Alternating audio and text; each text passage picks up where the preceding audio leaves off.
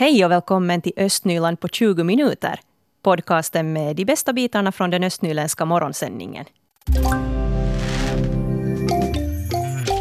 Visste ni om att det ska byggas höghus vid Västra Mannerheimleden i Nese i Borgå? Det har ju varit en del tal om det här med att infarten till Borgå ska bli parkgata och att det ska byggas hus längs med hela den här vägen som går där från motorvägen in mot Borgå centrum. Och de här planerna de är ju uppgjorda med tanke på framtiden, men redan nu så byggs det i Nese. På den smala tomten mellan Rådmansgatan och Västra Mannerheimleden ska det byggas höghus på upp till sex våningar. Och vår reporter Helena von Alftan berättar mer. Jag står här på en gräsmatta och framför mig har jag Västra Mannerheimleden. Det är en hel del trafik så här i eftermiddagsrusningen.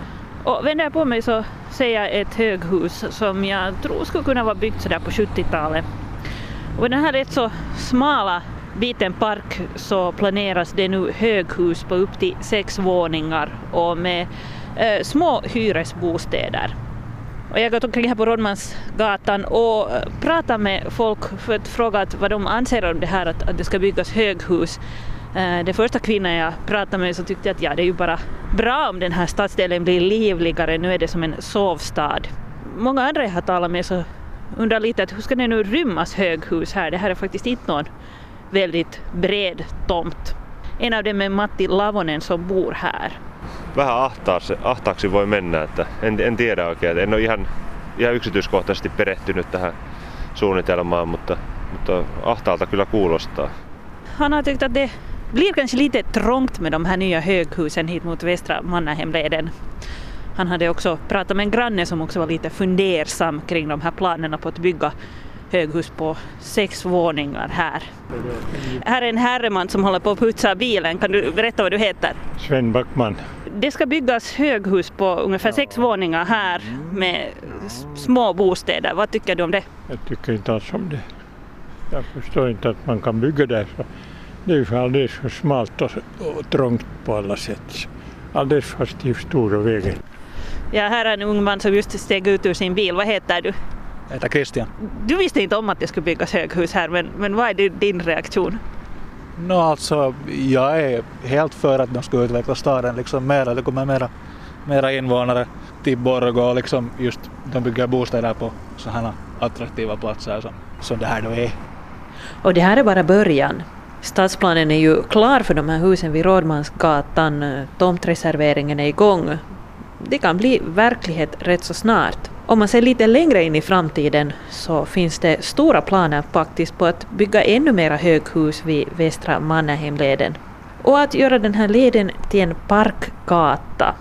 Så här kommenterar stadsplaneringschef Dan Mollgren varför Borgå vill satsa på höghus i det här området. När vi är så här nära centrum, bara en kilometer kanske från torget, så är det ju, gäller det att fundera hurdan stad vill vi bygga, hurdant centrum och en viss eh, täthet eh, är kanske vettig att nå. Då får vi service, då får vi många användare och, och, och nya invånare framför allt och stadsliv, mera stadsliv i Borgå.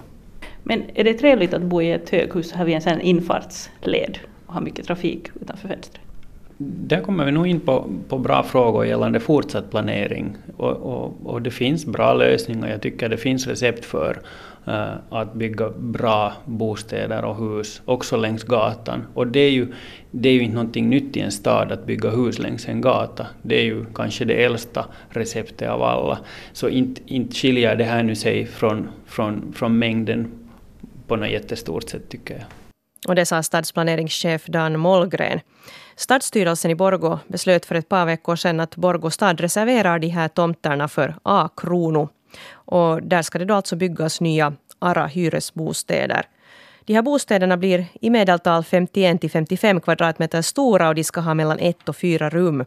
Och ARA-bostäder är bostäder som byggs med statligt stöd och i första hand så ska de här bostäderna hyras ut åt mindre bemedlade, låginkomsttagare och andra som har stort behov av en bostad.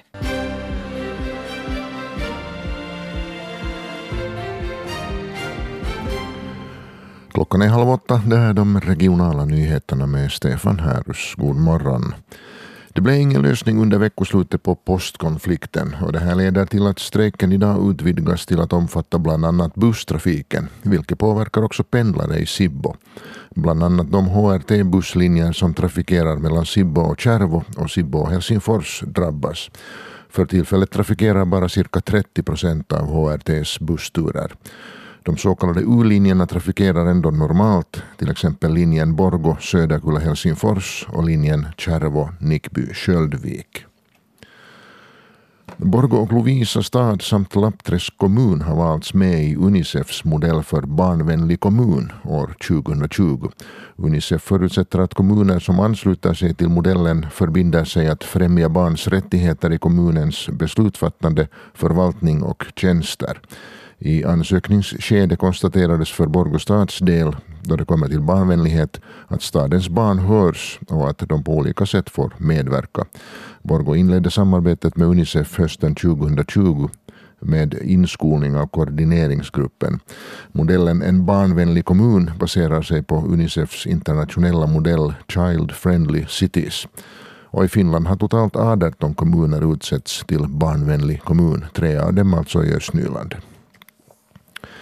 Kommunerna i Kymmenedalen får inte i år förhöjda statsandelar. Bland annat har Pyttis ansökt om en förhöjning. Bara 21 kommuner beviljades förhöjda statsandelar av de 90 kommuner som ansökte om det. Förhöjda statsandelar kan beviljas åt kommuner som behöver extra stöd på grund av tillfälliga eller ovanligt stora ekonomiska svårigheter. Och så ett par sportresultat. Hockeylaget Hunters förlorade på lördag mot Rahe Kiekko i Brahestad. Matchen slutade 3-1. Och på söndag gick det bättre i Nykarleby där Hunters vann mot Muik Hockey med 2-6. På fredag möter Hunters Titanit på bortaplan i Kotka och på lördag gästas Hunters i Borgå av Karhu HT från Björneborg. Och Lovisa Tors innebandyherrar förlorar sin match på hemmaplan på lördag mot FBC från Åbo. Den matchen slutar 3-5. Anne Johansson Padilla har valts till vikarierande verksamhetsledare vid Kulturhuset Grand i Borgo. Det är så att Nadina Vihinen som är verksamhetsledare på Kulturhuset ska vara föräldraledig. Och därför behövs det någon som vikarierar. Och jag har faktiskt nu Anne Johansson Padilla här i studion. God morgon och välkommen hit. God morgon, god morgon och tack, tack. Trevligt att vara här. Ja, du har följt med det här jobbet här nu på Kulturhuset Grand några veckor. Du har varit där med Nadina och bekantat dig med allting. Hur känns det att ta över här nu som vikarierande, vikarierande verksamhetsledare? Tack, det känns riktigt bra faktiskt. Att jag har varit tre veckor där nu med Nadina. Hon har försökt lära in mig, men jag måste nog säga att det är massa grejer att lära sig. Men det har varit faktiskt riktigt roligt och givande. Ja, hur kommer det sig att du sökte dig hit till Grand? Det är faktiskt så att jag har alltid sagt att när jag har kört förbi Grand, att där skulle det vara roligt att jobba. Och det där, jag hade inte sett själv den här annonsen, jobbannonsen, men det var faktiskt tre vänner tre stycken som sa åt mig att hör du Anne, att nu är det en tjänst ledig där, att sök, att det är riktigt din plats. Just det, och, och, du lämnade ett fast jobb för att komma hit? Det gjorde jag, ja, för jag har alltid faktiskt, jag tycker att det, det låter som ett så intressant och socialt jobb, så det är någonting som jag har velat göra. Ja, Nå, vad är det du skulle vilja åstadkomma nu på Grand under din tid där? Men jag hoppas att vi kan fortsätta med de här olika grejerna som, som finns där på Grand. Till exempel det här kulturcafé, som det tycker jag är ett jätteintressant koncept. Och vi ska se att om vi får intressanta talare till kulturcafé och, och, och kan öka på mängden besökare också. Mm.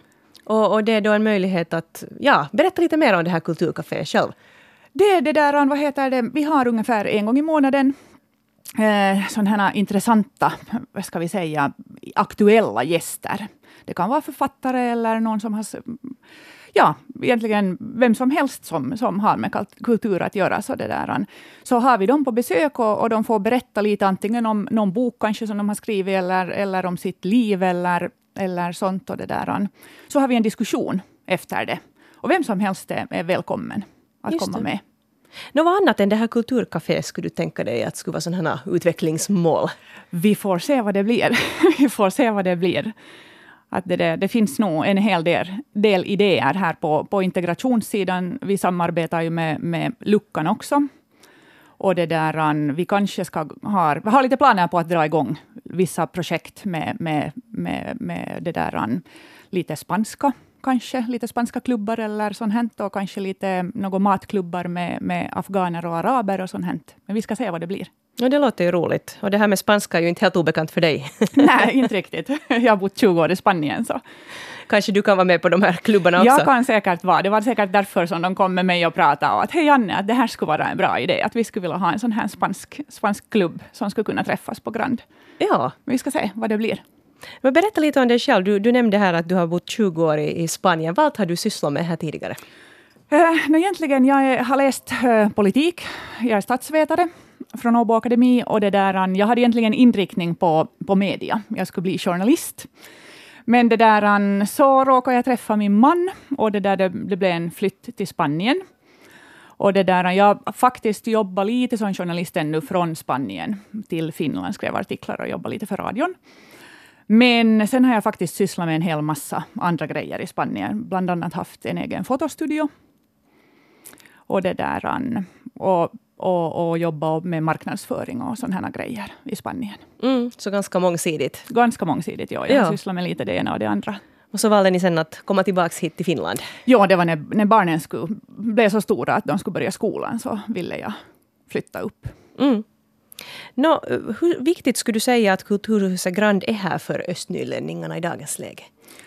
Jag tror att det är ganska viktigt. Och jag tror att det är viktigt att det finns ett ställe som är öppet för alla. Att alla kan komma in och känna sig välkomna. Och se på utställningen som vi har där månatligen. Den, den utställning som vi har och att de ska känna sig välkomna helt enkelt till, till Kulturhuset. Jag tror att det är jätteviktigt att vi har program som både för barn och för ungdomar och, och för vuxna. Ja. Ett mångsidigt program tror jag att det är viktigt att Kulturhuset Grand har. Och det fortsätter du nu jobba aktivt för? Det ska vi försöka. Tack ska du ha, Annie Johansson Padilla, för att du kom idag. Från och med den här sommaren så har antalet uppdrag minskat ordentligt för taxibilisterna i Borgo. Det här säger en taxichaufför som har kört taxi här i Borgonejden i åtta och ett halvt års tid. Vi har talat med Petri Puranen som är Borgobo och taxichaufför. Och han säger att han har inga siffror men att många Chaufförer som har kört längre än han själv har gjort så säger att de aldrig har varit med om en så lugn sommar. Så Puranen anser att det finns tillräckligt med taxibilar i Borgonejden för tillfället och att problemet då snarare är att alla bilar inte får tillräckligt med uppdrag. Och vad det här beror på så har chaufförerna funderat på, säger han. Och själv så tror han att taxibranschens rykte kan ha inverkan nu på situationen. Han anser att eh, yrket lite har förstörts då medierna har skrivit om problem som har uppstått efter taxireformen. Och det här anser Puranen då att leder till att alla som kör taxi svartmålas och dras över samma kam. Det har ju också varit andra förändringar inom taxibranschen här i Borgå än det här med den här nya taxilagen. I mitten av september så stängde ju taxistationen vid Borgå torg och i slutet av september revs stationen. Och då har man ju kanske Undrar lite att kommer då kunderna att hitta taxierna som nu då håller till vid fyra taxistolpar. Och Puranen han säger här till oss att kunderna nog börjar hitta hitta taxibilarna igen, åtminstone de kunder som är Borgåbor. Men att de också säger de här kunderna att allt är lite upp och ner. Att många tyckte att det var lättare att hitta en taxi då det bara fanns ett ställe att gå till då stationen var där på torget. Och på sociala medier så kritiserades nyligen det faktum att en del av taxichaufförerna har igång sina bilar vid taxistolparna i väntan på kunder. Och Petri Puranen han säger här i vår intervju att han inte har läst den här kritiken men att han nog gissar att den skulle komma. Men att det hjälps ju inte, säger han, att inte vill man ju sitta och vänta i en kall bil heller. Och nu börjar ju vintern vara här och, och det här systemet tror han att kommer att fortsätta.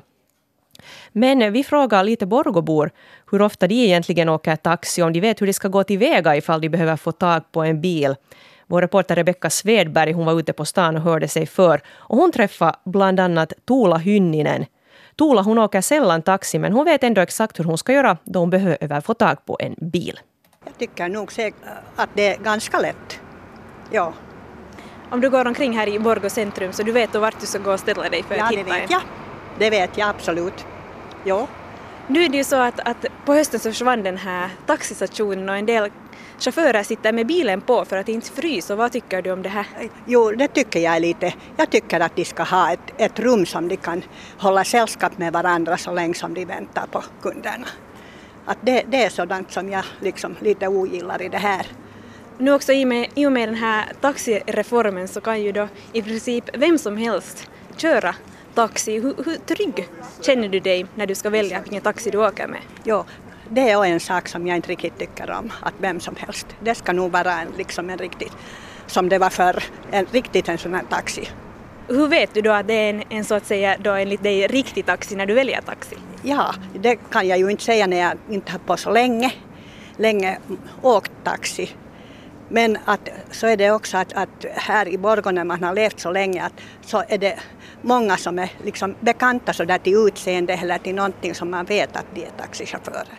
Någon som däremot åker taxi varje vecka är Kirsi Väckman Toikkanen. Enligt henne är det problematiskt att få tag i en taxi. Det tar tid och man måste beställa taxin i god tid för att inte bli försenad. No siihen menee aikaa, että se on se hankaluus. Että jos on joku sovittu meno, niin pitää taksi tilata todella ajoissa, muuten myöhästyy. Att en del taxichaufförer håller igång sina bilar är något som också Väckman Toikkanen noterat. Eihän se hyvä asia ole. Kyllä mä siihen heti kiinnitin huomiota, että kun toi koppi tosta hävisi, niin mutta onhan ne autot vissiin muutenkin päällä talviaikaan, kun on pakkasta. Et mä en tiedä, onko se vaikuttanut nyt siihen, istuuko se kuski sisällä vai ei. Det är inte en bra sak. Om det nu beror på att stationen revs vet jag inte.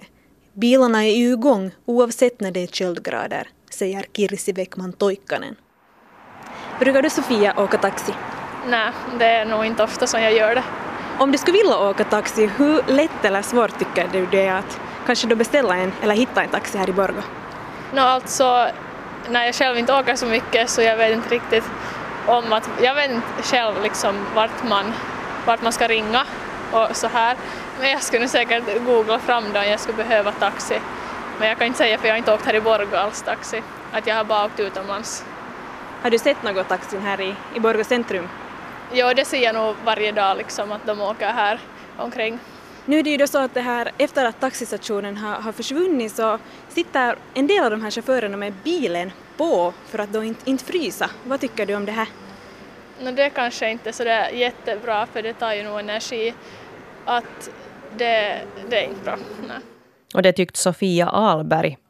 Och vi talar med taxichaufför Petri Puranen som konstaterar att parkeringsvärmare tär på bilbatterier så man kan inte använda dem allt för mycket. Om man har den här parkeringsvärmaren på länge och inte kör emellanåt så laddas inte batteriet vilket kan då leda till att bilen inte startar. Så han säger att så länge som inte chaufförerna har något ställe där de kan sitta så kommer alltså bilarna att vara igång vid stolparna då det är kallt utomhus. Och för tillfället så är det lite oklart hur det blir med eventuella framtida pauslokaler för chaufförerna. Eh, det fanns ju fördelar med, med sådana här lokaler förstås. De hade tillgång till WC och möjligheter att värma mat till exempel där. Och så kunde man ju förstås sitta då och prata med varandra eller kanske titta på TV om det var lugnt för tillfället eller så här. Och mer kan ni läsa här om vad både Petri Puranen har att säga och också vad de här människorna som Rebecka Svedberg träffade på stan hade för åsikter om hur lätt eller svårt det är att hitta taxibilar. Det här alltså på svenska.yle.fi östnyland. I övrigt finns här också på samma webbplats en nyhet om att man snart kan föra pulkor och enbart till avfallsstationen. Det är ju en god nyhet om man har gamla trasiga pulkor i knutarna. Det är det för att det har varit kanske lite svårt att veta vad man ska göra med sådana grejer hittills. De flesta hamnar bara i blandavfallet och det är kanske inte så smart med tanke på att det har varit mycket diskussion kring miljön och så här och att man borde återvinna mera och, och, och på det sättet. Eh, nu är det så att Roskenroll är först i Finland med att börja ta emot sån här hårdplast eller plastprodukter separat vid sina avfallsstationer och det gäller då både Öst och Västnyland. Det har ju också funnits plastinsamling tidigare, men då har det gällt sån här förpackningsplast, alltså till exempel om du har en yoghurtburk i plast och så här, så då har du kunnat slänga den dit. Men sen har det varit förbjudet att slänga sån här så kallad hårdplast, alltså till exempel pulkor och ämbar och sånt här dit. Men nu kommer då Roskeroll att börja sortera de här skilt och se till att också pulkorna återvinns. No, det är ju jättebra. Uh, hur får man mer info om hur man ska gå tillväga då? No, här finns på vår webbplats en artikel med egentligen all info man behöver. Men alltså där i korthet så de produkter som samlas in separat nu från och med den 2 december är ämbar, kannor, tunnor, utemöbler, pulkor, leksaker och sen plastdelar i spadar och snösledar till exempel. Eh, man måste ta bort metalldelarna därifrån och sen måste man också se till att man inte sätter sådana vissa produkter då som inte hör hemma där i den den här hårdplastinsamlingen heller dit. Det är till exempel PVC-plast, frigolit, skumplast, presenningar, slangar, rör och sen sån här bygg och lantbruksplast. Men det är alltså från den 2 december som de börjar ta emot det här och, och det är då till exempel på Domargård och, och de här andra avfallsstationerna. Och det kostar lite att föra dit det här plastet, men det är billigare än att föra blandavfall dit och, och de har ju tidigare kastats i blandavfallet, de här grejerna, så att det, det borde ju vara en helt bra deal där. Men att som sagt på vår webbplats www.yle.fi östnyland så finns lite mera info. Östnyland på 20 minuter är en Svenska Yle-podcast. Det finns flera poddar på arenan. Jag heter Katarina Lind. Tack så mycket för sällskapet. Vi hörs.